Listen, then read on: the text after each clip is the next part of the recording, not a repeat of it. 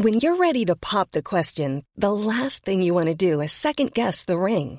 At Bluenile.com, you can design a one of a kind ring with the ease and convenience of shopping online. Choose your diamond and setting. When you find the one, you'll get it delivered right to your door. Go to Bluenile.com and use promo code LISTEN to get $50 off your purchase of $500 or more. That's code LISTEN at Bluenile.com for $50 off your purchase. Bluenile.com code LISTEN. There's never been a faster or easier way to start your weight loss journey than with PlushCare. PlushCare accepts most insurance plans and gives you online access to board-certified physicians who can prescribe FDA-approved weight loss medications like Wigovi and Zepbound for those who qualify. Take charge of your health and speak with a board-certified physician about a weight loss plan that's right for you. Get started today at plushcare.com slash weight loss. That's plushcare.com slash weight loss. plushcare.com slash weight loss.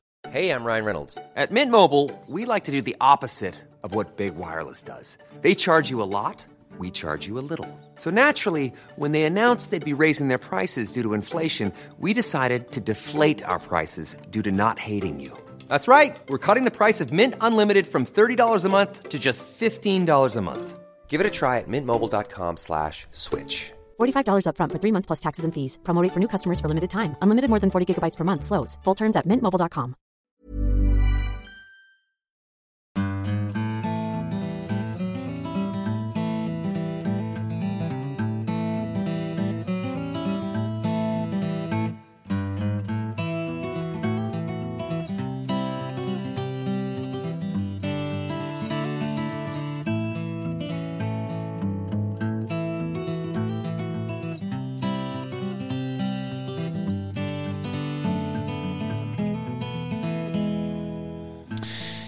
Hjertelig velkommen til en ny episode av Hall og knall-podden, din favorittpodkast som du nå får rett inn i øret dagen før dagen.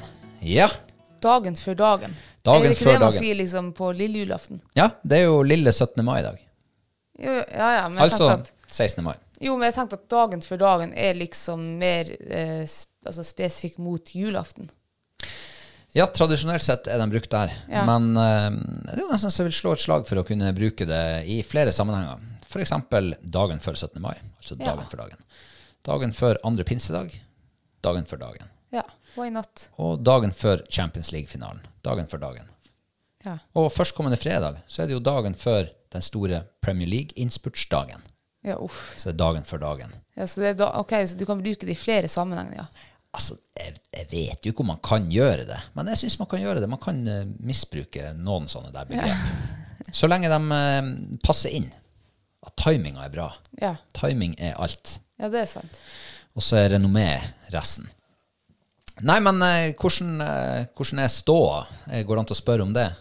Du, ja, nei, altså, den er nå fin. Alt som før? Ja.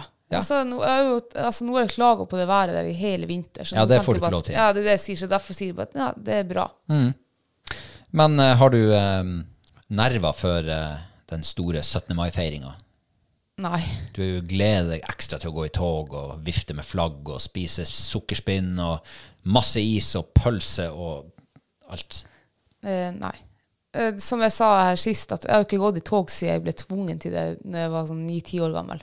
Nei. Og hvis jeg nå hadde vært ni-ti år, år gammel i morgen, så tror jeg jeg hadde grua meg å gå i tog. For det melder altså null grader, sludd, vind. Altså ordentlig, eh, Ruskevær. Ordentlig ruskevær, ja. Tror du vi får se mange 17. mai-tog med scooterkjeledressene på? Ja, det tror jeg. I hvert fall fra Nord-Norge. Ja, eller. Troms og Finnmark. Ja, for i det andre landet, Sør-Norge, der melder det jo 20 grader i Bergen, Ja, hørte jeg, og 15-16 grader i Oslo. Og Og blå himmel og solskinn. folk drikker utepils og går i bunad. De kan kanskje ikke gå i bunad, det blir så varmt. Nei. De må gå i eh, sommerkjoler og, og lyse dresser. Ja. Ja da. Ja, nei, men vi er jo heldige, vi som faktisk har det privilegiumet og, av å liksom å og, Kunne isfiske til midten av juli og Ja, det var ikke det jeg skulle si, men jeg tenkte på dagen i, i morgen. da. Ja. At vi, vi slipper nok helt sikkert å kle av oss. Altså føle at åh, nå har du ikke mer å kle av deg, nå blir det så varmt. Det er sant. Ja. Og så har vi ikke potetløp, vi har snøballøp. Ja. Og så har vi ikke sånn potetsekkhopping, vi har hopp i sneskavlen. ja. Masse artige leker man kan ha når det er litt snø. Ja, det er sant. Når vinteren Snøballkrig klamrer seg fast. og Ja, på ja. haugen og ja, det har jo vært VM i snøballkrig eh, i Vadsø. Stemmer det, det, har jeg faktisk sett. Mm, Ja. Stor event. Eh, nei, men eh, forrige gang vi satt her og prata, så eh, hadde jo du kalt inn til styremøte. Det er sant, ja. Ja, hvordan gikk det der styremøtet? Du, jeg er veldig fornøyd, jeg. Vi Mm. kom oss gjennom hele lista. Ja vel? Eh, og så føler jeg at vi Altså, ja, jeg, altså, jeg føler at det møtet vi hadde, kun med to haug som satt der og, og, og tenkte i lag To hodeløse høns. Ja. Men, Men vi var jo ikke det. Nei, vi var For ikke det. vi, vi hadde så mange ideer. Og, vi, og det her er det første styremøtet som jeg i hvert fall kan huske sånn seriøst som vi har hatt da. Første styremøte du har noensinne har kalt inn til. Ja, som har vært seriøst. Ja. Så jeg føler faktisk at vi har kommet et hakk videre i våres, eh, eh, på vår vei. Ja. Ja. Vil du utdype? Eh, ja, jeg trenger ikke å altså, Vi har kommet med flere ideer som vi nok kommer til å gjøre noe med i løpet av eh, ja, kanskje sommeren. Må- man kan jo ikke avsløre alle businesshemmeligheter. Nei, man kan jo ikke det, liksom. nei. Sant? For da er det plutselig noen andre som huker det opp foran oss. Og det går jo ikke. Nei, det går ikke. Men vi, vi kom jo på én, eller jeg kom på én ting, da. Sånn, om jeg skulle, altså, Ikke for å skryte, da, men eh, eh, det var quiz. Ja. Ja. Da var du god. Ja. Da var du riktig god. Og, eh, men ikke hvilken som helst quiz. Nei. Nei. Eh, eller det er vel det. Nå skulle jeg prøve å si at det her var noe mer enn noe annet, men jeg kom ikke på noe. Men det er faktisk en helt eh, Altså, det er en quiz med god stemning. Det er quiz for hele familien. Det, Ble går, det her bestemt på styremøtet? det her ble bestemt på styremøtet, ja. Ja, ok. ja. Eh, jeg føler i hvert fall at vi ble enige. Jeg mener at jeg sjekka det liksom som at eh, det var en greie som vi i hvert fall skulle teste ut. Pri 1. Pri 1, ja. Og det gjorde vi jo. Vi har jo testa det ut, eh, og det, og, vi, og det er jeg faktisk imponert over. At vi liksom iverksetta det med det samme. Veldig handlekraftig. Ja. Så to dager etter, på tirsdag, hadde vi vel fotballkamp, så da ble det ikke noe av. Så onsdag hadde vi plotta inn liksom styremøte nummer to, eller videreutvikling av quiz. Så da gjorde vi det. Vi lagde quiz på ons, eh, onsdag. Så kjørte vi test for vår nærmeste live-test, for det her skal jo være livesending på torsdag. Og på fredag så hadde vi generalprøve, der vi også annet inviterte våre patrions til å være med. Ja. Og, eh, og da, altså på, ja, da gikk jo egentlig alt smooth. Vi hadde jo litt sånn lydproblemer og sånn på torsdag. Jeg må bare si at um, når du kommer med gode ideer, Mm. så er det jo teknikeren i, um, i vårt lille fellesskap som um, må begynne å lære seg nye ting. Ja, og vet og den teknikeren heter Robert. Ja, Han sitter her. ja. For vet du hva, jeg er søkk imponert over deg. Er det det? Ja, for du bare du, vil, På onsdagen Nei, på mandagen allerede så begynte du liksom å undersøke hva, hva trenger vi for å, å lage quiz. Eh, vi trenger Kahoot, det er noe greit, men hva mer, liksom? Vi skal jo sende her live. Og på tirsdagen ja, nei, da visste du jo omtrent alt. Så på tirsdagskvelden så begynte du liksom å forske der. På onsdagen så kunne du alt. Da drev du og testa her. Og på torsdagen så kjørte vi live sending for dem vi inviterte. Og vet du hva? Ja, jeg er søkk imponert at du i det hele tatt liksom klarer å ta det, Så, så, så, lære så, fort. Nei, helt seriøst. Jeg hadde måttet brukt en hel måned på det der. Ja. Nei, så jeg er veldig glad for at uh, du er teknisk anlagt. Men det er jo litt artig, det der. Å begynne å utforske ting som er litt spennende. Og, Ja. og I hvert fall ting som man kanskje har bruk for. Og eh, direktesending Ja, det var ny mat for eh, oss begge to, faktisk. Ja. Eh, og vi har jo den eneste kanalen vi har å sende på, det er jo Facebook og YouTube. Og vi har funnet ut at eh, å sende quiz på Facebook, for det har vi jo vært med på sjøl, da er det så mye forsinkelse Ja. at uh, mange ganger så når man så vidt å få se spørsmålet før tida er gått ut. Så mye forsinkelse er det. Så drev jeg og testa ut på YouTube. Og der kan du faktisk sette til ultrakort forsinkelse. Ja. Og da er det altså snakk om bare noen få sekunder. Det der funka ganske bra. ja, det gjorde det. Jeg må jo si at uh, sånn i, i, når, man, når jeg ser tilbake på den siste uka nå, det har vært utrolig mye arbeid, men det har vært utrolig lærerikt. Ja, det har det. Og så ja, veldig sånn bratt læringskurve. Mm. det syns jeg er litt artig. Og så når man, eh, når man får tilbakemelding fra dem som, noen av dem som har vært med på test, første test og generalprøve, om at det var spennende, og konkurranselysta våkna, og ja, da er det verdt alt. Ja, det er det. Alle du, sene nattetimer. ja, og når du enda har liksom en to, tre, fire stykker som, som skriver melding til deg Fy faen, hvor sur jeg er nå. For, at Ja. det, for de lå liksom an til å, å kunne lede hele skiten, og så bomma de liksom på noen Ja, ja, ja. spørsmål. ja det er Sånn vann på mølla. Ja. Og da tenkte jeg yes, da har vi liksom da, For da, da, da er det jo engasjement hos dem. Ja, ja, ja. Ja. Og det er jo det vi har lyst til å skape. Altså, det er jo det quiz er. Det er jo det, ja. Altså, blir du ikke engasjert av quiz, ja, da må du finne noe annet hobbyer, tror jeg. ja. Men eh, det er jo eh, Kahoot. Kahoot er jo Det går jo veldig på tid. Mm. Du må tenke kjapt, du må resonnere kjapt, du må være rask på labben, trykke svaret ditt, Mm. satse på at det du har gjort, er riktig. For du får jo poeng også liksom basert på hvor kjapt du svarer. Mm. Og hvor ofte og hvor mange rette svar på rekke og rad du har. Mm. Så det er jo artig. Og det, og det tenker man jo absolutt på. Det er jo derfor flere av dem liksom svarte feil. Mm. Selv om de visste at svaret ikke var dem. Men det var liksom det første. Ja.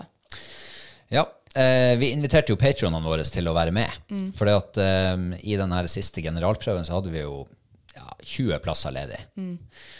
Eh, det var vel et par stykker faktisk som meldte seg på.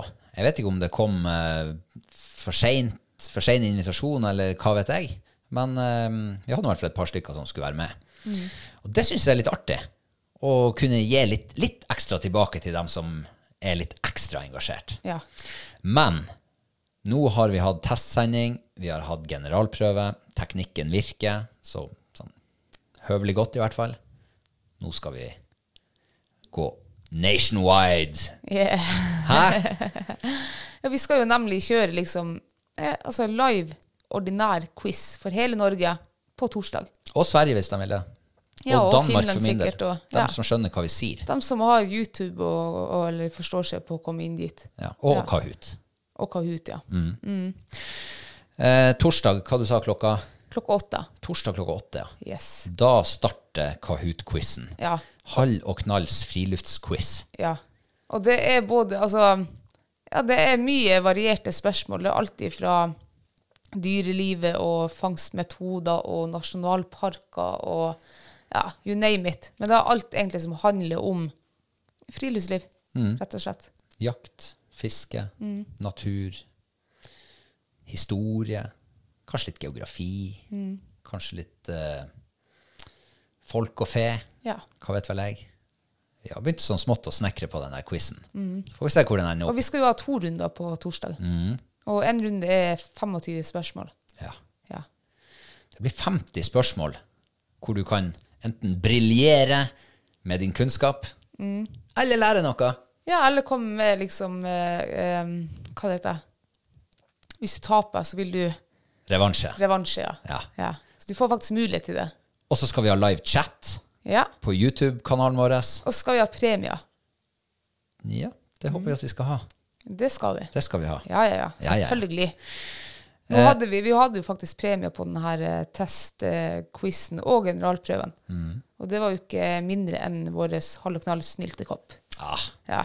Så jeg tipper det var derfor folk var så engasjert og liksom ville vinne. ja, det kan godt være det. en god premie, det forsterker vinnerlysta. Um, har du premierenerver? Eh, litt, ja. Jeg liker jo ikke Jeg har vært en gang live før, og det er det verste jeg har gjort.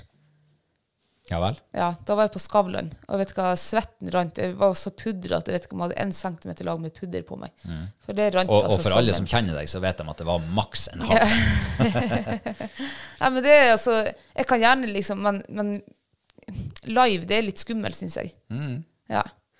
Det som er så fint med livesending, det er jo særlig når du driver med Kahoot, så kan du, hvis du kjenner at å, nå må vi bare få bort de her trynene våre, så Ja. bare klipper du inn Kahoot-brettet. Det er sant, ja. Ja, ja. ja. Eh, nei, men det blir artig, det. Det blir artig. Og eh, det som er så fint, det er jo at vi ser jo ingen av dem som er på andre sida. Nei. De som spiller. Men dem ser oss. Altså, det var, ikke, det var ikke det fine. Men vi har liksom ikke et publikum å bli nervøs for. Nei, det er sant. Så eh, jeg tror det der kommer til å gå Ja, det tror jeg også. og så får vi bare krysse fingrene for at teknikken er med. Ja. At YouTube virker, og at internett virker, og alt det der. Men jeg håper også at det er- kommer masse folk og har lyst til å liksom spille quiz med oss. Mm. Det hadde vært så artig hvis jeg hadde Åh, ja, da, det hadde gleda meg. Tenk hvis vi hadde klart å lage Norges største friluftsquiz. Ja, det må vi satse på. Hadde ikke det vært rått? Jesus. Hårete mål, men, ja. men det hadde vært artig. Det hadde vært veldig At artig. alle som er, om så bare bitte litt interessert i natur og friluftsliv, og dem som er lidenskapelig, som lever og puster natur og jakt og fiske og alt, at alle kan samles rundt en uh, vennskapelig quiz. Jeg tror altså uh, alle vi som bor i Norge, jeg tror vi har en eller annen sne for liksom friluftslivet oss. Du trenger ikke å være jeger eller fisker, altså, men det er et eller annet liksom uansett som ligger i ryggmargen, tror jeg, Ja. som omhandler friluftsliv. Det er jo det, og uh, malurten i begeret er jo at på Kahoot så kan du bare ha 2000 mennesker. Så vi klarer, ikke, vi klarer ikke å samle alle samtidig. Men kanskje vi klarer å samle alle over lang tid. For hvis det her blir artig, så må vi jo gjøre det igjen. Ja, ja, Ja, ja, ja. Det må vi gjøre. of course. Um, så til deg som nå sitter og eh, skjelver av forventning og, eh, og konkurranseadrenalin, så er det bare å kvesse tommelen, ladde telefonen, få deg YouTube opp på TV-en, Last ned Kahoot last ned hvis Kahoot, du ikke har det. Og så sitter du og venter til torsdag klokka 19.50. Da starter sendinga. Ja. Og klokka 20 sharp, da starter quizen. Og vi vil legge ut link til denne sendinga både på vår Facebook-kanal og, og Instagram. Og i den episodebeskrivelsen til den episoden du akkurat sitter og hører på nå. Yes. Yes. Så uh, det er ingen gode grunner til å i hvert fall ikke kunne si at Nei, det har ikke jeg hørt om. ja, ja, ja. Nei, men det blir spennende. Vi, Jeg gleder meg. Jeg gleder meg også. Eh, vi har jo vært eh, ganske sånn eh, kritisk til været. Altså Ja. litt negativ til været har vi vært eh, i den siste veldig. perioden. Ja. Men nå må jeg bare si at eh, nå har vi endelig gjort oss årets viktigste investering. yes.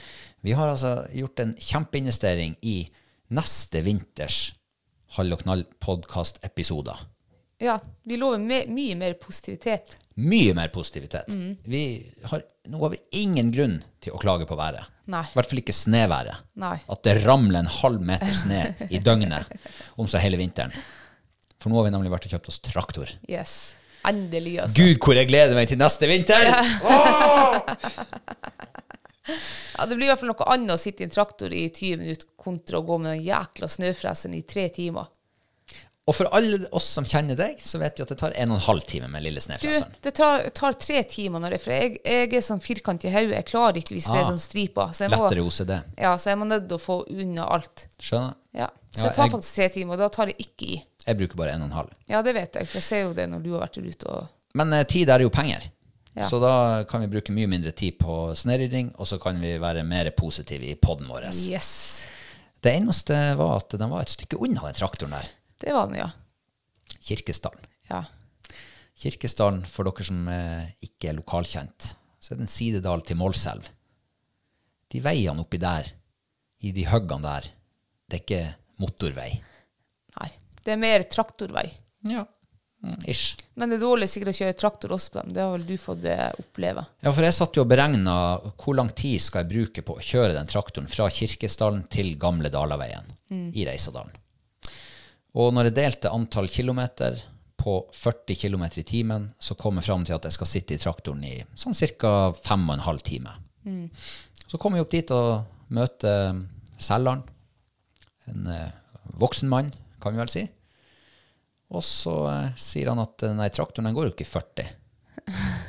Ja, kanskje du klarer å tyne den opp i 30, sier han. Ja. Og da ramla jo regnestykket mitt i, sammen. ja vel, tenkte jeg nå, hvis jeg klarer å tyne den opp i 30, da, så skal jeg gi full gass fra øverst i Kirkesdalen, og så skal jeg holde full gass til jeg ruller inn i gamle Dalaveien. ja. Men eh, det gikk jo eh, det gikk jo ikke mer enn en 30-40 meter fra jeg satte meg i traktoren og begynte å kjøre, til jeg traff de første holdene i grusveien. ja. Og det var ikke sånn superbehagelig, kan jeg si. Det er ikke så mye fjæring i en traktor. Nei, det er det ikke. Så det du vil ikke hold holde i taket. Nei, det gjorde det ikke. Nei. Jeg hadde sikkerhetsceller på meg. Ja, ok, bra. Men, men eh, jeg oppdaga jo umiddelbart at her er jo håp. Det går ikke an til å holde full gass Nei. fra A til B. Så her Altså, jeg hadde sett for meg en rolig eh, traktortur med lydbok på ørene, og bare sitte og slappe av. Og ikke minst så hadde jeg gleda meg til å liksom se litt på naturen mens jeg kjørte. Ja. For det skulle ikke gå så fort, det her. Kanskje maks 30. Men det det endte med, det var jo en åtte og et halv timers langt mareritt i en traktor. hvor øynene konstant er fokusert på den neste humpen i veien. Ja. Og det er ikke rare humpen som skal til på en sånn gammel traktor. Før traktoren holdt på å sprette ut av veien og ut i grøfta. Du overdriver ikke nå. Nei, jeg overdriver. Ja, er jeg overdriver ikke. Ja, til alle som har kjørt traktor av eldre type uten fjæring, så vet de nøyaktig hva jeg snakker om. Ja. Det var eh, smått eh, ubehagelig, kan jeg si. Og så hadde jeg jo planlagt at jeg skal jo stoppe på Skjold. Eh, der har alle vært i militæret, så alle vet hvor Skjold er. Og så skal jeg gå inn på Skjell, og så skal jeg kjøpe meg masse mat og deilig snacks og ha med i traktoren. Så kommer jeg til Skjold, og så er Skjell stengt. Lørdag og søndag. Så det eneste jeg har av mat og næring i bilen, det er en femliters dunk med vann fra forrige helg. Ja. Og så er det to sånne her um, wienerbrød fra, og, og noen eh, sånn lefse Ja. fra kjerringa til han som solgte traktoren. Så det levde jeg på i går. Ja. Fem liter vann og kake. Gud, altså. Ja. Jeg, jeg kjørte jo eh, bilen vår tilbake, og de første milene så var det jo sånn traktorvei sånn holdete og jævlig, så jeg holdt jo sånn en 35-40 eh, etter veien. Så jeg tenkte jo at det her må jo være skikkelig traktorvei. Her har jo du antageligvis full gass, og vi er liksom vi er ganske litt på tid her, da. Men det var det altså ikke sånn, da. Nei, vi var langt derifra. Nei. Nei. Uh, og jeg fikk, jo ikke, jeg fikk jo ikke oppfylt ønsket mitt om å se hele Indre Troms og kyststrøkene og alt i sakte film, på en måte. Altså liksom, Nord-Troms sekund for sekund. Men du hadde jo et til problem også, for det var jo det var mye sånn uh, yr i lufta. Ja, så jeg husker når vi, før vi kom dit, så sa jeg at det er vinduspusser på den der traktoren. Ja, så du måtte nå gå inn på annonsen og kikke, men det var jo det. Men de funka vel ikke? Nei. Nei. så du har altså kjørt i nesten blinde i åtte og en halv time. Eh, nå vet vi at lensmannen hører på, Ja, oi. så eh, jeg var jo ute og tørka av det verste i ny og ne. Ja. Ja, det må jeg si. Ja. Ja, det går jo ikke så fort, da. Nei, det går ikke så fort. Nei. Men eh, det er godt å få eh, gode hjelpemidler i, i huset, i alle fall. Ja, det er på- absolutt. På yttersjøhuset. Så skal vi bare ta god kursing og sånn med deg i, i, Ja, løpet du sommeren. må, du må ha kjørt traktor én gang før, og det var en traktor fra første verdenskrig. Ehm, jeg har et uh, lite høydepunkt fra siste uke. Ja. Fra nærmere bestemt lørdag. Ja. Da fikk vi oss pokal! Liverpool! Liverpool, jeg trodde det var noe annet du skulle si. Pokal nummer to Ja. av to mulige så langt i sesongen. Gud, hvor deilig. For en fantastisk kveld det ble. Ja. Og for en, et nervedrama. Det var så nervepirrende. Men jeg spådde før vi begynte at det her det kommer til å bli straffespark, for det ble det sist vi var i finalen i februar, tror jeg det var, med Chelsea. Ja. Og eh, uff, det var Men jeg liker jo egentlig straffekonk. Jeg synes jo det er Altså, jeg sitter med puta foran hodet og ja, det er som å sitte og se på den verste grøsseren du har på Faktisk, Netflix. ja, ja. Men uh, og, som regel på Netflix så er det jo ikke happy ending. Nei. Det er jo en grotesk avslutning. Ja. Så det jeg skulle si, jeg liker hvis det blir happy ending. Da er jeg eh, veldig for straffekonk. Ja, jeg er liker så også veldig godt happy ending. Ja. Ja. så det er mitt uh, høydepunkt fra siste uke. Det Ja. var fantastisk. Ja, det var det. Og for en sesong vi har hatt. Ja. Og vi har enda to til vi liksom kan ta. Ja. Så det, uff, det gleder jeg meg veldig til. Ja, det var mitt høydepunkt. Har du noe høydepunkt? Ja, du, det har jeg. Mm. Eh, det her var jo også selvfølgelig et høydepunkt. Men jeg har et som liksom har gått og ila etter siden ja, kanskje omtrent eh, ti måneder siden. Og det er nemlig sjøørretfiskesesongen. Ja, ja, ja, Og det ja, kom ja, vi ja. oss endelig på på lørdag. Og det var jo fantastisk vær. Ja, det var jo det. Det var dritfint vær. Det var Mm. blå himmel og solskinn og stort sett vindstille. Ja, vi, skal, vi kan i hvert fall ikke klage på været, da. Nei, det kan vi ikke. Så vi for jo ut, sto opp kjempetidlig og heiv i oss mat og kaffe og kjørte utover til en plass. Mm. Hemmeligplassen. Hemmeligplassen, ja.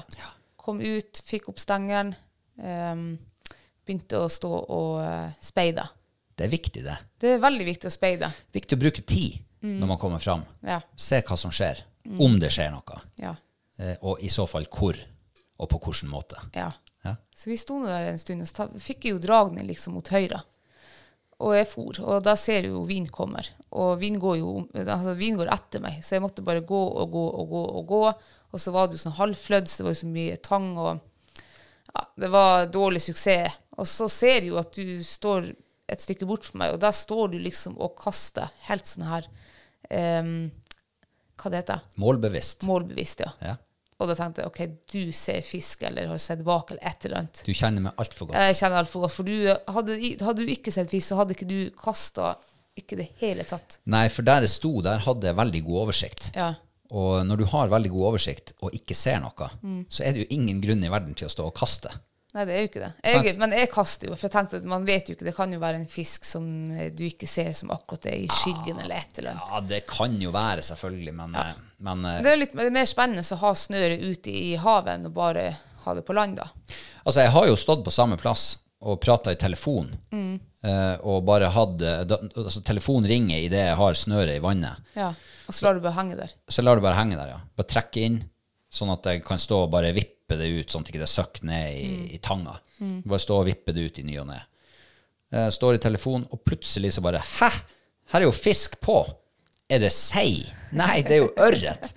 og, og, og liksom telefon i ene handa og fiskestanga i andre handa, og hva skal jeg slippe? Jeg må bare legge på telefonen og bare putte den i lomma.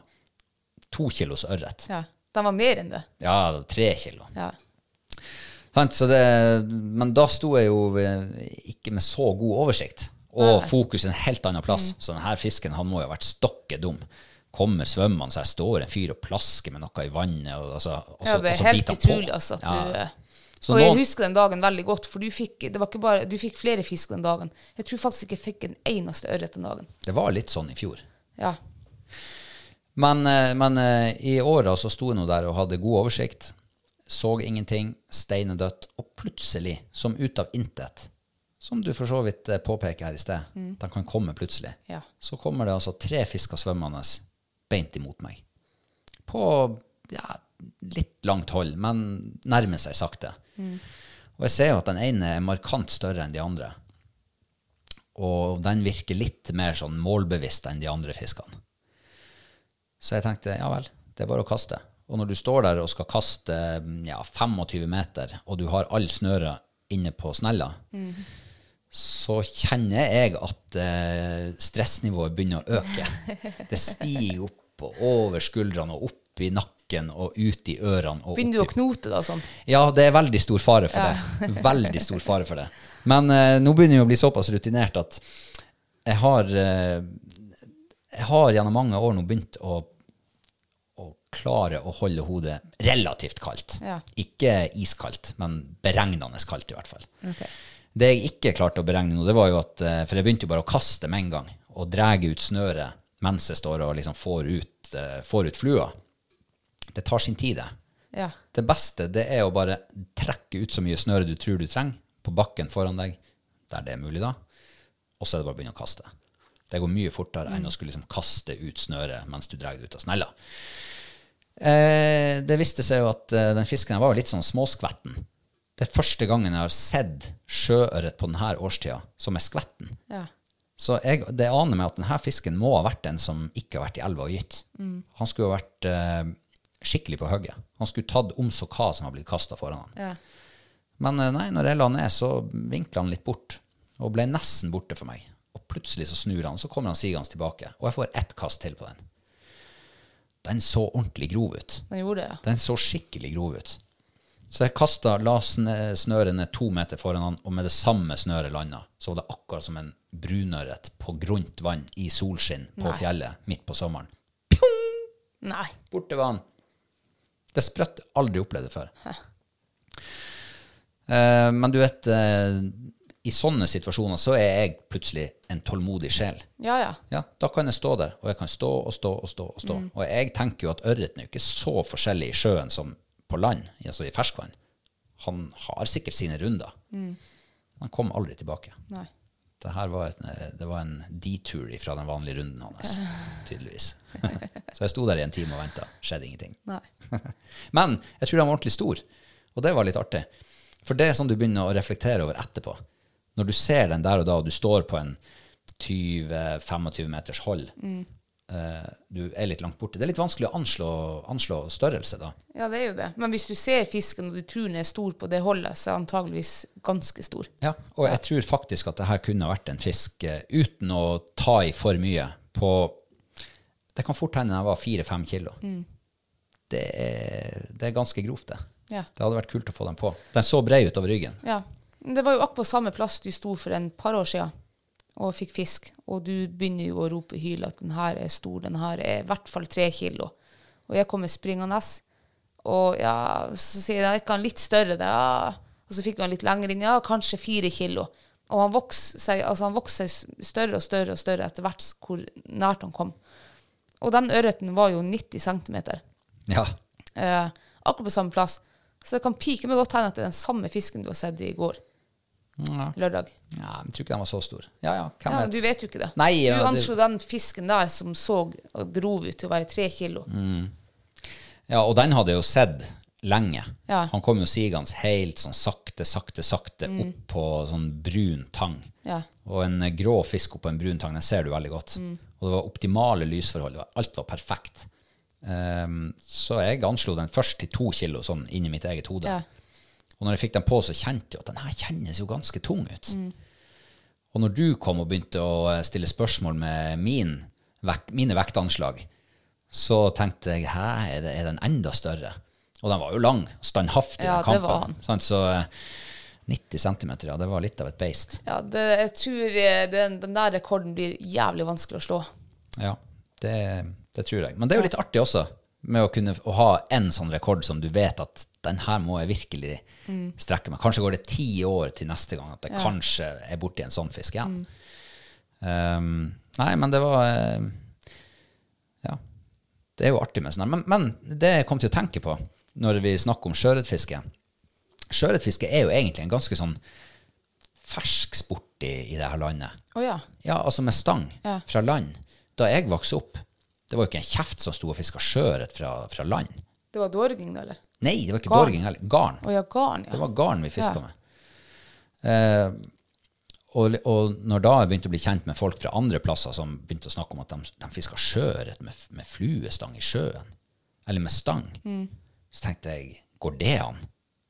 Sjøen er jo så svær. Ja. Hvordan skal du, det, det blir jo som å stå og fiske i havet. Mm. Det er jo så stort. Og hvordan skal du komme i nærheten av, av en sjøørret? Mm. Nei, det der syns jeg var litt sært. Så, eh, og det her skjedde jo når jeg begynte på videregående, jeg var 16 år gammel. Og eh, han Daniel, det var jo der vi ble, vi ble kjent, han snakka om det sjøørretfisket. Hver vår så var det sjøørretfisk og stor sjøørret, og det var kjempeartig. Og jeg tenkte ja vel. Og så, siste året vi gikk på videregående i lag, så hadde han kjørt opp til Lappen, og så sa han at eh, i ettermiddag så kjører vi og fiske sjøørret. Ja vel. Så vi tok med stengen, Kjørte fra Var det Skjervøy. fluestanga der, eller? Nei, da var det Nei. slukstang. Ja. Kjør, jeg hadde jo kun en sånn liten sånn stang til å fiske i ferskvann med. Så da ble det slukstang. Mm. Og eh, en sluk som heter atomsilda. Ja. Så da for vi eh, innover til Nordreisa fra Skjervøy og eh, sto og fiska sjøørret. I sludd. Altså, det må ha vært i april. ja. Det var jo ikke noe sjøørret. Men vi fikk én hver. Det, det, det var det sykeste. Jeg tenkte hæ? Går det an? Jeg har fått min første sjøørret i sjøen. Men jeg ble aldri bitt av den basillen. Gjorde du ikke det? Nei, jeg gjorde ikke oh, ja. det. Det var så sært. Det var litt for sært Så for det meg. tok liksom flere år da etter det? Mange år. Nei. Ja, jeg var sikkert eh, langt opp i 20-årene før jeg fikk min første sjøørret på fluestang Nei. i sjøen. Eh, det var kuling, og det var svære bølger, én meters bølger. Og vi sto der og dunka snøret ute i vinden og drog inn. Vi hadde sett på fiskefilm at den skulle dra dritfort inn, og det gjorde jeg. Og plutselig så sa det bang, og så var det fisk fast. Da var sjøørret på et kilo cirka. Ja. Så det var min første fluefanga sjøørret. Men ble det bitt der, da? Ja, da begynte det å bli litt bitt, for da, da gikk det jo opp for meg at det er jo faktisk mulig, det her. Ja. Det er jo ikke bare tidsfordriv du står og, og gjør for å få tida til å gå på våren. Nei, da, da blir det jo veldig langdrygt. Ikke sant? Ja. Eh, så der og da så gikk det opp for meg at eh, det her kan jo faktisk være artig. For det var jo en sterk fisk. Ja. Og det er jo, det er jo artig med den sjøørreten. Ja. Når begynte du å fiske sjøørret? Eh, Det det er ikke så fryktelig lenge siden. Jeg tror det kan være en eh, åtte-ni år siden. Du har ikke vokst opp med garnfisk etter sjøørret? Nei, ikke i sjøen. Nei. Jeg har vokst opp med det i elva. Men det var mer sånn, eh, sånn eh, ja, laksegarnfiske. Ok. nei da. Eh, nei, men sjø Altså, ja, kan det være ni-ti år. Eh, vi hadde fått, jeg hadde fått min første fluestang. Det var jo tohåndsstang. Oh, ja. Og så var det liksom, begynte å bli litt lei i reisa. Det var, liksom, det var veldig varmt, husker jeg. Det var dårlig trøkk i laksen og lite liv. Og, ja, det var, og så hørte jeg om, om ja, sjøørret, om vi fisker det. Nei, så hvor man fisker det? Og så fikk jeg noen tips om noen plasser i sjøen. Og så tok jeg noen tohåndsstanger mi med meg, da. Og for i sjøen. Og kasta. Det var ingen som så rart på deg? Nei, jeg tror ikke det. Nei. Ikke som jeg husker, i hvert fall. Men det var det, det, var det jeg hadde. Jeg hadde ikke enhåndsstang. Jeg. jeg hadde vel kanskje, men jeg klarte ikke å kaste med det. Så jeg kasta med tohåndsstanger. Og jeg ville jo helst kaste når det var litt mer fart i sjøen, for da slapp å kaste så langt, så kunne matet liksom snøre ut. da. Ja, ja, ja. Så at floa eller fjæra tok snøret med seg. Og jeg fikk fisk. Første kvelden, tror jeg var, så fikk jeg sjøørret. Yes. Ja. Så da, da ble jeg liksom bitt. Så det, jeg sto der i ja, tre år på rad, tror jeg, på samme plassen med tohåndsstang. Og det var jo når jeg møtte deg, da sto jeg jo enda med tohåndsstang. Hva det er åtte år siden nå til sommeren, ja. Um, var, Det, det, det minnet tror jeg jeg har fortrengt. Ja, det har du sikkert gjort. Eh, Jeg husker, for da, jeg visste at du var en sånn stor ihuga fluefisker og sjøørret. Du sa jo klarer man å lure ørret, så da er man liksom god. Det er liksom det vanskeligste. Så når jeg fikk eh, ja, et og et halvt kilos eh, sjøørreter på tohåndsstanga, da var jeg veldig stolt. Tok bilde og snappa til, jeg husker. Ja. Ja. Men du, du liksom, jeg tror du aldri sa noe om den tohåndsstanga mi. Men jeg ser jo i ettertid. Du står jo ikke i havet og kaster med en tohåndsstang. Det er jo noen som gjør det. Jeg har sett en annen som har gjort det. Ja, Eh, så det går jo an. Og det, du sier jo at man kan få fisk på det også. ja det Så, funker jo. så det er jo kanskje bare å fiske med det man har. Ja. Er det tohåndsstang du har, så ja vel, så gass på. ja. Og, og da fisker jeg jo kanskje mest for å få fisk. For det var, før jeg møtte deg, så var det sånn at ja, det, vi fisker for mat og sånn der. Men etter jeg møtte deg, så har jeg jo, da har jeg jo egentlig funnet ut at fisk er jo mye mer enn bare mat. Det er jo store opplevelser. Liksom, det skal være artig, det skal være Så når jeg da liksom fikk min første eh, Når jeg fiska med enhåndsstanga og jeg fikk jo faktisk ørret på min jomfrutur med enhåndsstang, og det var med deg for syv år siden. Og det var jo noe helt annet Ja. enn å stå med en tohåndsstang og hale opp et halvt kilos ørret. Du kan sammenligne det med, med sånn der eh, sånn kran. Ja. Tohåndsstanga er kran, det er bare å løfte kranen og Løfte opp, vippe ja. fisken på land. Ja, det Mens var med sånn. enhåndsstang så blir det faktisk eh, dritkult. Ja. Men eh, altså, det var ikke bare halene inn heller, for når jeg fikk fisk på tohåndsstanga, så slakk jeg bremsa liksom på minimum, bare for å Han skulle liksom få ta, Ja. ja, ta Ja, hva søyre. gjør man ikke for å ha det litt artig? Du får ikke mer moro enn du ordner sjæl. Nei. Nei, men eh, så nå eh, har ikke vært med ute i havet etter altså de siste syv årene. Da er det enhåndsstang. Og det jeg har liksom funnet min greie. Jeg syns det er altså knallartig. Og det er ikke bare det liksom å kjøre fisken på enhåndsstang, men det er liksom det å jakte på noe også. Du må liksom, du må ha Du må være presis med stanga. liksom det er en jobb du må gjøre. Liksom for å mm. Så det er spennende. Jeg kom til å tenke på det her med garnfiske. Mm. Altså, hvor hjerneskada går det an til å være? Jeg har så lyst til å gi meg sjøl juling for at jeg drev på med det i gamle dager. Jo, men i gamle dager var det jo mer sånn matauk. Og det var jo nesten en sånn tradisjon. Alle hadde jo bestefaren din gjorde, og oldefaren. Altså det var jo Jo, men, eh, men, men når du driver med garnfiske, så Det er rovfiske, spør du meg. Ja, ja. Det er ikke garnfiske, det er rovfiske. Du har magemålet, det kan du bare glemme. Det hiver du på båten tvert. Så fyller du garnet med fisk, og så tar du opp alt. Og sjansen er jo veldig stor for at det står en fisk der som, har, som er halvdau, og aldri, du kunne aldri sette den tilbake uansett. Så jeg er ja, da, da det gikk opp et lys for meg for masse år siden, hvor liksom garnfiske Njet, det er uaktuelt. Så begynte faktisk jeg å snakke vett og forstand inn i skolten på dem i familien som fortsatt gjorde det der. For jeg syns det der var jo helt galskap.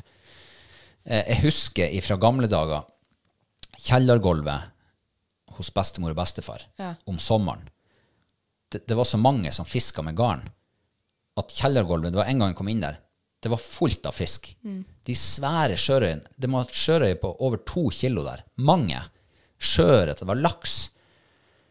Hvem som skulle ete alt det der? Jeg er sikker på at halvparten gikk over bakken om våren når de skulle tømme fryseren Nei, og, og gjøre plass til ny, Ja. ny fisk. Men jeg tror heller det var sånn at, at du var liksom gavmild. Du gav til bestemora di eller liksom tanten og sånn her. Det tror nå jeg. Og hvis jeg bare kan sammenligne det her, nå blir det kanskje ikke helt eh, sammenligning, men hvis man bare kan liksom drage en liten sånn her eh, parallell, eller hva det heter. Så ja, du fortalte det her til din familie. Må dere kutte ut med garnfiske, for du, det hadde gått opp et lys for deg. Enn hvis din sønn plutselig om ti år har funnet ut at sportfiske, det, da piner du fisken. Du dreper han, han dauer, og så skulle han ha preppa inn i hodet ditt at 'pappa, det her slutter du med'. Jeg ser jo ikke hvor dumt det her er. Må du faen meg skjerpe deg. Sportfiske har ingenting med Du skal ikke leke med maten, og det blir jo nesten det samme. Eh, Så det- jeg, ja, men, det, ja, men Ja, altså, altså prinsippet du snakker om nå, blir det samme. Hvor det kommer en generasjon etter deg som skal lære deg, deg opp i hva du kan gjøre. Ja. Men det er jo på et helt annet nivå.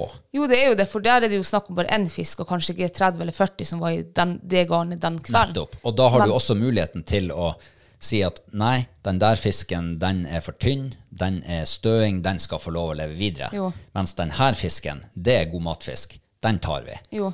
Sånn, Det har du ikke sjansen til når du fisker med garn. Nei, men uh, nå er jo ikke garnfiske så utbredt. Altså, det er de få, tror jeg, som driver på med det ennå, liksom, og skal for å tømme eh, havet eller vannet, eller eh, Men kan tenke deg på for 20-30 år siden, så var jo det her en sterk tradisjon da, som de hadde lært igjen. For det er jo ikke så mange år siden vi skal tilbake til at det her var en stor matauk. Det var liksom eh, Det var berginga gjennom vinteren, at du hadde eh, fryseren full av fisk. Du slapp å tenke hva for at du skulle svelte i hjel om vinteren. Ja, det kan godt være. Og i den tida hvor det var at du måtte ha det for å overleve, overleve, fordi at det var, det var den maten du hadde, ja, da er det stille seg i et annet lys. Men på 90-tallet og på 80-tallet, kom ikke og fortell meg at folk hadde så dårlig råd at de måtte fiske med garn for å overleve gjennom vinteren.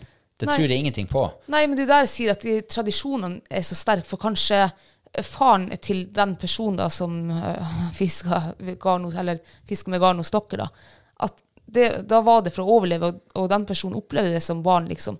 Så du liksom vokser, det ligger i ryggmargen hos deg. Ja, og det kan det godt gjøre, men da må man slutte med det.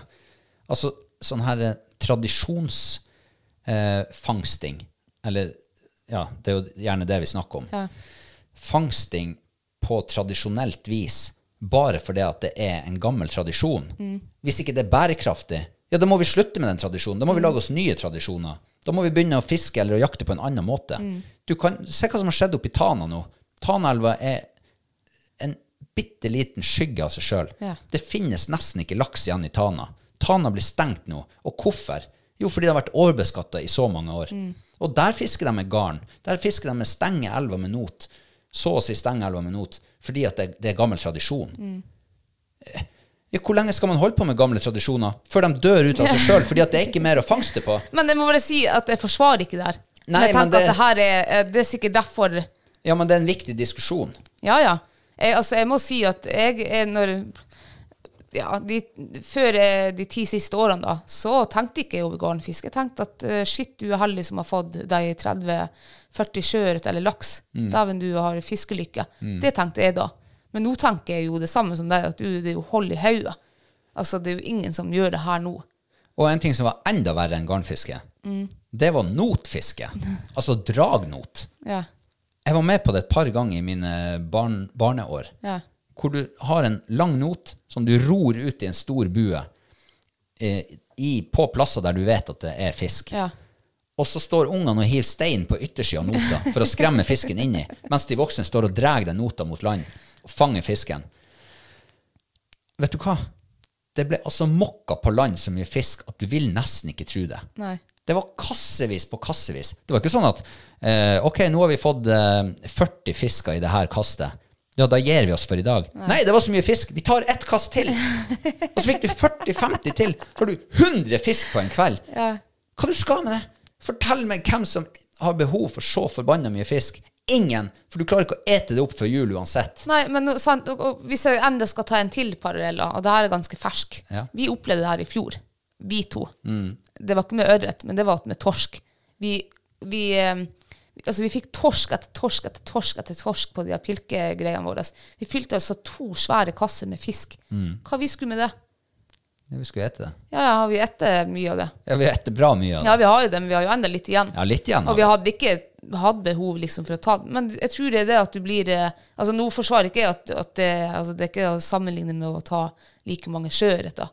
Men på den tida, det var jo artig. Det skapte jo sikkert engasjement i en hel familie. Og det var sikkert ikke bare du, du var sikkert du og onkel, Ja, ja, ja. tanteungene og besteforeldrene og sånt, masse. Så det liksom Og så delte dere sikkert på fangsten.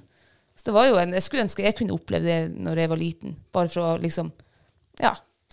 Det vil jeg huske, det der dragnotgreia, det var det første som det ble svindyre bøter. Oh, ja. Hvis du ble tatt med det Jeg vil huske at det var snakk om bøter på 20 000. Og dæven, det var Og mye da penger på den vi, tida. ja, da snakker vi 90-tallet. Begynnelsen av 90-tallet. Eh, og det var mye penger, ja. Mm. Det er mye penger nå også. Ja, det er dritmye penger nå òg.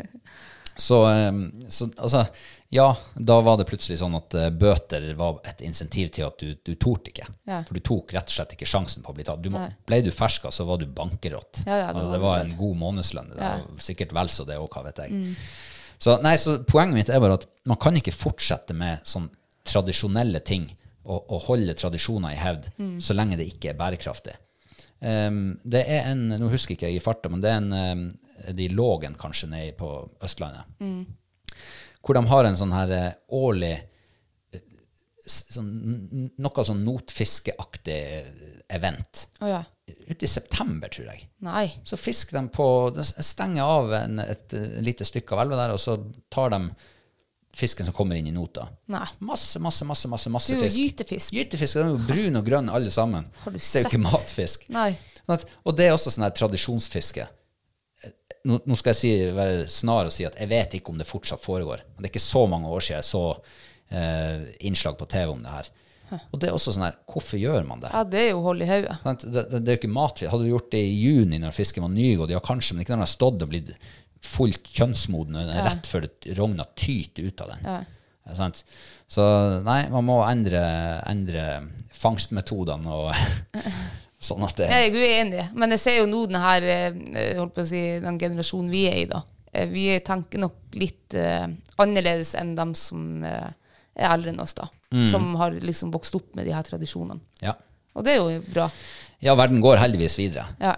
Eh, noen ganger går det veldig fort, andre ganger går det litt saktere. Ja. Men, eh, men ja. Men jeg tror de fleste liksom skjønner at det ikke er bærekraftig. Det tror jeg nok. ja. Men eh, hvis man sier vi nå ikke bruker garn og not og sånn, altså, Mm. hvordan skal man få has på den eh, sjøørreten på denne tida?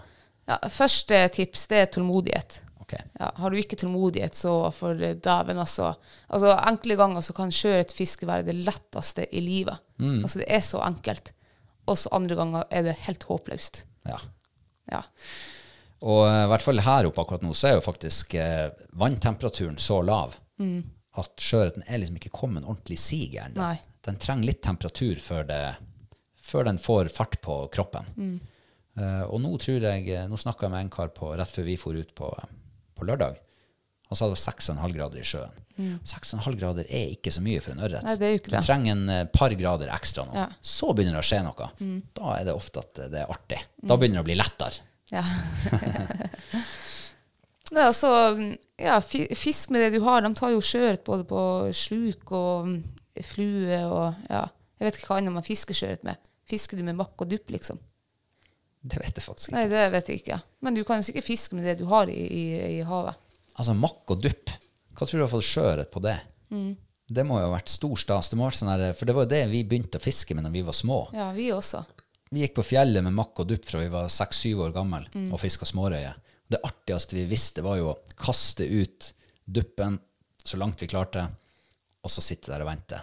Og følge med, liksom, om det kommer bevegelser. Ja, du måtte følge med. Ja, ja, for du måtte gi et tilslag. Ja. ja, ja, Så så du at der begynte duppen å røre litt på seg, og da, da begynte du å stramme inn snøret litt og Mm. gjøre klar, og så så du der for den under vann. Da var det bare å gi et tilslag. og, så, og den sjøørreten vi fisker på, det er jo nøyaktig samme fisken som den brunørreten vi fisker på om sommeren. Ja, det er jo det. Bare at de er på forskjellig plass. Mm. Så Nei, det funker sikkert, det. Ja, jeg vet ikke om jeg orker å begynne å teste det ut. Nei, det, altså, jeg har, no, jeg har eh, fortrodd meg til flua. Jeg kommer jo aldri til å røre en slukstang igjen i havet, sånn at det er sjøørreten. Det gjør jeg ikke. Nei. Og så kanskje jeg til, liksom, sånn, i hvert fall det jeg bruker å gjøre, hvis nå først får en sjøørret eh, som er matfisk som jeg tar, så spretter jeg gjerne opp der og da liksom magesekken og undersøker hva han spiser. Ja. Um, og ja, det, noe, det går noe i reke, eller det går i sånn her sil. Ja. Og så er det jo noen sånne her eh, Altså marflo. Det er jo marflo i sjøen òg. Ja. Eh, vi kalte dem jo for skirra Ja. i gamle dager. Men det er marflo. Dem, eh, har, av og til så har jeg sett at når, når han ikke tar på rekeimitasjoner, som vi stort sett fisker med, så kan det være lurt å bytte til noe sånn noe brungrått, et eller annet sånt. Og da kan man ofte få dem. Ja. Men skal du fiske dypt eller eh, høyt eller sakte eller fort, eller har du noen erfaringer rundt det? Jeg har vel kanskje erfart eh, at eh, tidlig på sesongen så vil jeg helst ha flue som kanskje søkker litt, som ikke er så veldig oppe i, i overflata. For det er jo et, sant, Du ser jo ikke så mye vak på denne tida, og fisken går kanskje litt dypere, ikke vet jeg, da. Det er kanskje varmere på Jeg vet ikke.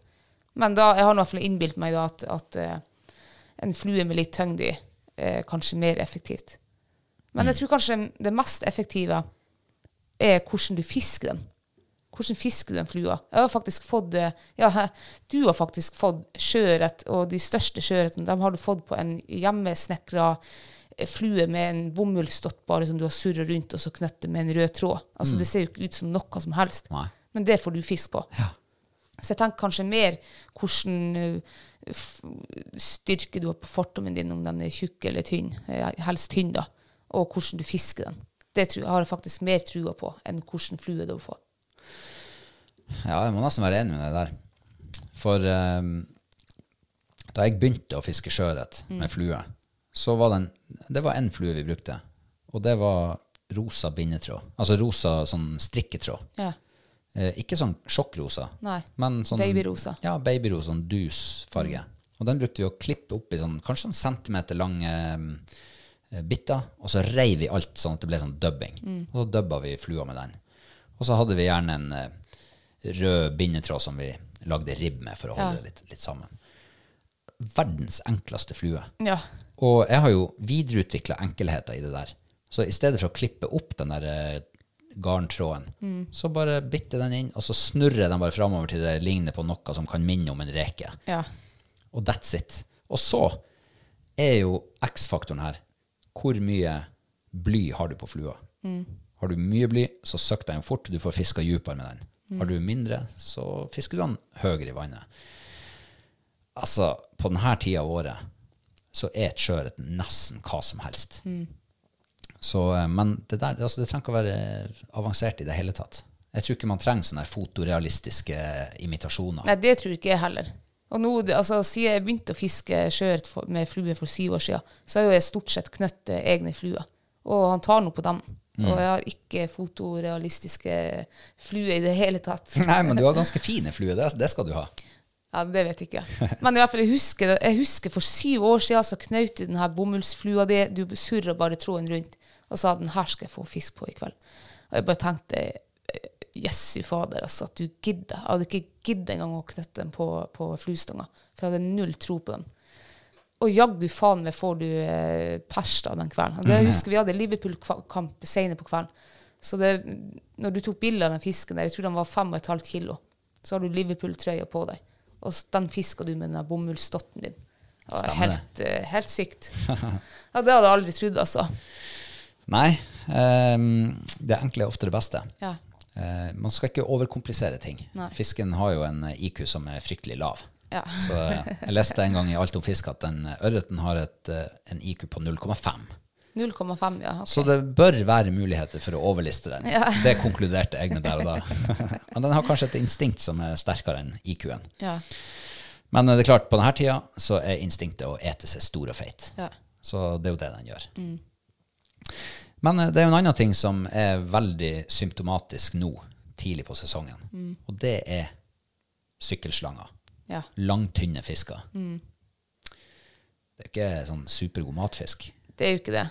Og jeg må jo innrømme at eh, altså I begynnelsen jeg begynte å fiske de her sjøørretene, og enda tror jeg det kan henge i liksom, tidlig på sesongen når du får første fiskebrann, så har jeg litt vanskeligere liksom, å, å liksom, tenke er det her sykkelstang, eller er det ordentlig fisk, eller Ja.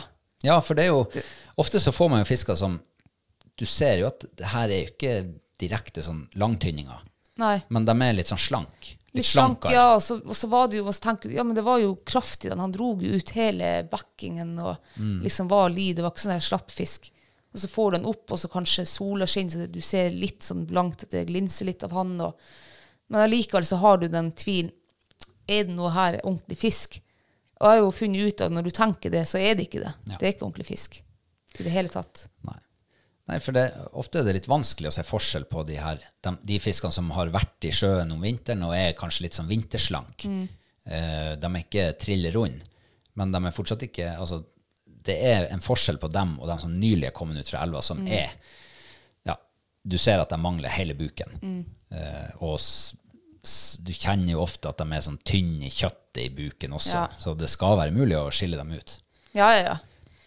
Eh, Men eh, jeg tenker jo at eh, de der langtynningene, vinterstøingene, de bør man sette tilbake. Absolutt. Det er gode gener, det. Det er Ja, fisker som har overlevd gytinga, som er kommet ut i sjøen, og, og forhåpentligvis skal få lov å gyte en gang til. Videreføre gode gener. Jeg tenker det er viktig. Og i Mm. Ja, hvert fall ha et forhold til. Og så for, for det andre så er det jo heller ikke matfisk. Altså, det, det er jo fisk, det smaker jo sikkert fisk av dem.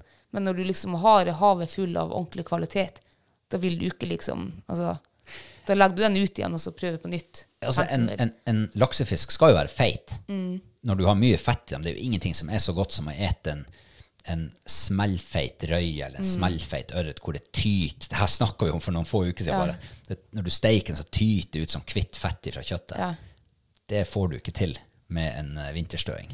Det gjør du ikke. Den er altså skinnemager Ja. Og ofte så er jo de av vinterstøyene de er jo helt hvite i kjøttet også. veldig Så ofte. det er jo ikke, altså, det er jo ikke rødfisk du altså, jeg, Det byr meg imot, så jeg vil aldri i hele mitt liv spise det. Ikke jeg heller. Nei.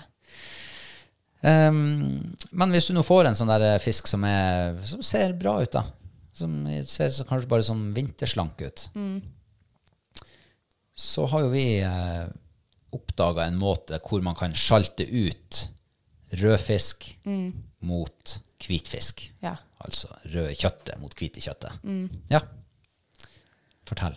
Ja, så det, det er jo de siste årene vi har funnet ut av det. For det var jo ett år det var spesielt. Liksom. Det var langt også ut på sesongen. De var jo ganske runde, var de. Og så var det flere av dem som hadde sånne brunskjær i seg. Altså det, var, det glinsa ikke blankt, det var, men de var ikke mørke heller. Men det var sånn brunskjær. Og ofte så viste det seg at de var lys i kjøttet. Ja. Og det har vi jo sett oss de siste årene. Hvis vi har tatt en, en feit sånn her med brunskjær. Eh, Så jeg skal prøve å huske på det nå denne sesongen, at ikke ta, slipp han ut igjen, selv om han er feit. Slipp ja, hvis du ikke er veldig glad i hvitfisk, da. Ja, nei, jeg, jeg sier, at jeg vil jo ikke spise det. Så at den blir jo kassert for min del. Blir hundmat. Det blir hund, ja, hundene vil jo heller ikke ha det. nei, så nei, når, altså når, når fisken skal være rød i kjøtt, og du vet at det absolutt er mulig å få, liksom, så ja, da vil du ikke ha en hvit fisk. Og så er det jo i på mange, i mange fjorder og fjordhold så, så er det ikke eh, byttedyr. Det er f.eks. ikke krepsdyr, reker. Og, og det gjør jo at fisken får jo ikke den der røde, delikate fargen. Men eh, de som eh, har spist sånne fisker, som er altså, feite og fine, men de er bare hvite, de sier at det smaker det samme. Ja, det kan jo, altså, mye ligger sikkert oppi hodet. Jeg så jo på eh, Truls og, og Helstrøm. De var jo og fiska røye i et vann. Og de fikk jo masse sånn her eh, steikfisk. Og det her var liksom det beste kvaliteten de hadde på Østlandet. Og så spretter de opp, og så er de altså helt hvite i kjøttet. Men det, liksom, de snakka ikke om fargen engang på. De bare, det her var det beste kvaliteten du fikk. Jeg ble helt overraska. Ja. Ja, det der hadde gått altså, i søpla hos meg. Ja, men det betyr jo kanskje at eh, smaken ikke ligger i fargen. Nei, den gjør nok sikkert ikke det. Altså Hadde du lukket igjen øynene og spist den der Ja. hvite fisken, så hadde det sikkert smakt det samme. Ja, helt sikkert. Men eh, mat spiser man jo med øynene òg. Ja, man gjør det. Så- faktisk, jeg tror du spiser mat mer med øynene. Det tror jeg faktisk jeg har lest. Ja. Og hvis det, maten ser bra ut, så er det større sjanse at det smaker bra. Ja. Uh, ja. Nei, men det var i hvert fall deilig å, ja, bare få unnagjort den premieren. Ja, det var veldig deilig. Åh, Og så eh, får vi bare håpe at eh, sesongen blir lang og innholdsrik. ja. Ja, apropos mat. Vi skal over på ukas mathøydepunkt. Ja. Jeg vil bare si først at eh, Og det her sa vi forrige uke òg, at nå har vi virkelig gjort en innsats. Vi har virkelig stått på og lagt mye sjel i de aller fleste måltidene vi har lagd den siste uka. Men eh, jeg lurer faktisk på om er vi ramma av noe sånn her long covid smaksløkmessig? Ja. For det at eh, når vi fikk covid, så mista vi jo mat Altså ikke matlysta, men smaken. Det smakte ingenting. Nei. Du, du kjente at du tygde noe, Ja. og du så at det var det du putta i kjeften. Men det smakte ingenting. Nei. Jeg, jeg begynner å lure på det, altså. Om vi fortsatt er ramma av noe sånn at det, smaksløkene er litt dempa. Litt sånn smålamma. Ja, man skulle tro det, for vi har, vi har jo lagd mye mat i det siste med mye smaker i. Men liksom, er, hvor er de smakene blitt? Er de fordampa liksom Ja. bort? For jeg kjenner ikke de smakene. Nei. Det er veldig sånn milde smaker i alt vi lager. Ja, alt blir veldig mildt. Selv om vi lager den mest brutale peppersausen vi får til omtrent. Ja. Og så putter vi det i kjeften, og så kjenner du at det er peppersmak. Men det er ikke denne stingen. Den Nei, det det. siste lille, det som løfter retten et terningkast eller to. Ja. Vi har jo faktisk de siste, um, ja, de siste ukene også, vi har jo kjøpt sånne her hot chili-flak Ja. fra liksom thaibutikken. Mm. Det bruker å være skikkelig hot. Ja. Det er nesten ikke smak i det. Det er rustet! det er ikke sterkt i det hele tatt. Nei. Nei, det, jeg tror også vi er, ja, vi har noe sånn long covid. Noe må det være. Ja, eh, altså Jeg kan ikke tenke meg at vi er de eneste to i landet som opplever det her. Nei, Kanskje er det noe som burde vært forska på. Eller er det bare vi som Ja, jeg vet ikke. Men eh, på tross av eh, mulig long, long covid, Ja. Har du noe mathøydepunkt fra sist uke? Eh, ja, det har jeg. Ja, det var noe godt. Og det, eh, holdt på å si, smaken sitter Kan du, begynne i- med, kan du begynne med terningkastet? Bare sånn at vi vet hvor vi ligger i landet. Terningkast fire. Ja. Så det er helt sånn, det var, ja, det var bra. Bra covid-mat. Ja. Mm. Eh, faktisk litt skuffa over at det ikke var mer smak, men vi hadde jo gjester til denne retten, og de skrøt jo veldig av at det var god smak og mye smak. Og, Mm. Så jeg lurer faktisk på om at det er et eller annet som er blitt borte ja, i munnen. Eh, men den, altså, jeg har ennå liksom smaken i munnen. Eh, og det er hare brasert i vørterøl. Ja. Det var, det var veldig godt, var det. ja. Um, så det er min eh, matfavoritt. Det er jo en veldig enkel rett. Veldig enkel. Og brasert, altså konseptet brasert, det har vi jo eh, gjort mye de siste årene, med forskjellige typer kjøtt.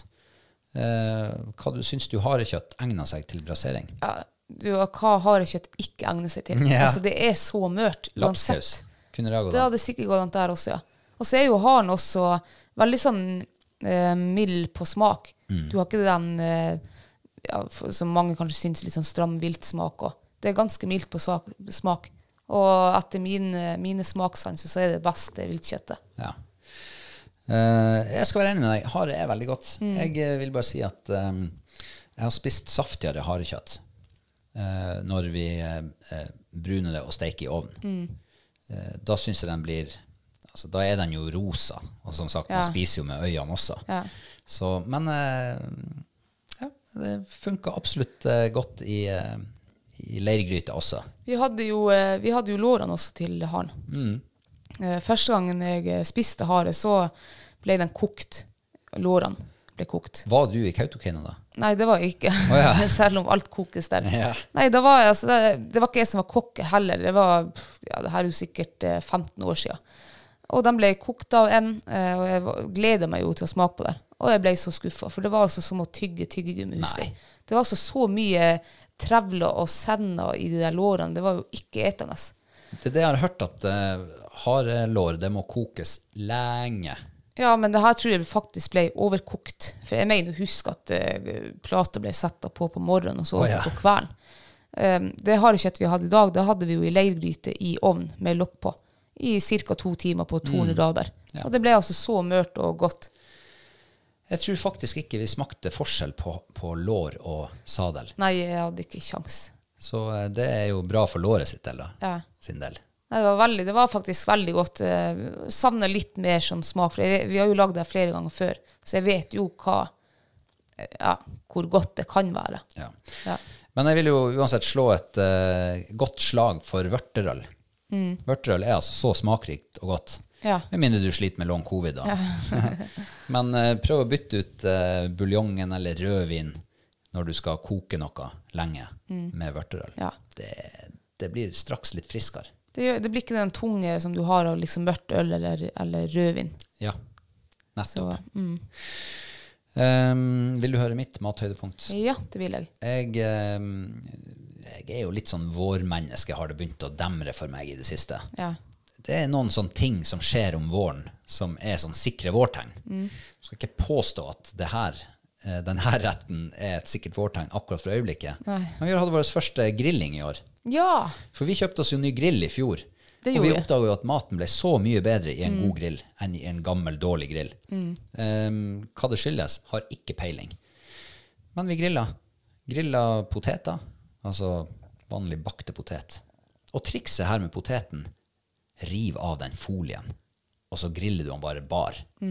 Det blir altså så mye bedre. ja, ja, mye bedre. Eh, og så var det maiskolber. Oh, jeg tror faktisk det var de beste maiskolbene jeg har spist i mitt liv. Ja, det tror jeg også. De var strålende gode. Og så var det grillskive. Ja, de største grillskivene jeg noen gang har sett. Marinert i sånn der eh, barbecue glaze. Jeg likte konseptet. Ja. Det var, eh, det var ikke dumt, altså. Nei, det var veldig godt. Og ja, ja, kan kanskje si at eh, grill og grillskive er liksom ikke noe mathøydepunkt.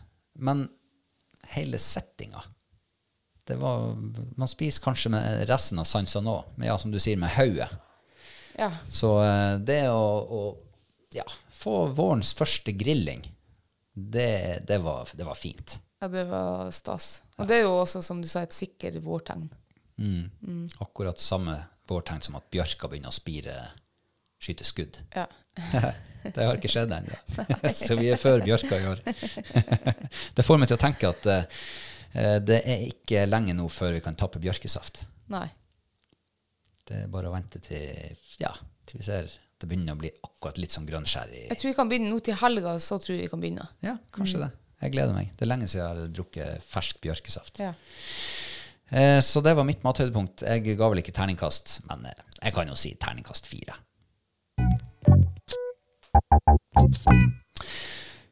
Ja. Det var dagen i dag. Dagen før dagen. ja. Um, vi må jo bare til, til slutt minne om quizen på torsdag. Eh, 1950. Logg deg på. Gjør deg klar. Ha Kahooten uh, fit for fight. ja. Uh, og så um, Ja, så, vi, så gjør vi det der til en skikkelig bra, artig kveld. Og så um, sa jo sist at uh, brenn ikke inn med noen spørsmål eller kommentarer, synspunkter. Fyr det over til oss. Send oss en melding. Så uh, tar vi det til etterretning. Gjør vi ikke det? Det gjør vi, ja. Ja. uh, er det noe mer før vi legger på? Mm, Nei, tror ikke det. Nei. Vi må vel opp og lage quiz. Det må vi gjøre. Og så um, er det 17. mai i morgen. Du, jeg tror det, vi starter med frokosten, får vi se. Det er jo meldt eh, ja, et par minusgrader og sludd og vind og dritt. Men til alle de andre så håper jeg at dere får en strålende nasjonaldagsfeiring. Ja. Hipp hipp hurra. Hipp hurra! Vi høres om en uke. Det gjør vi. Hei og hå.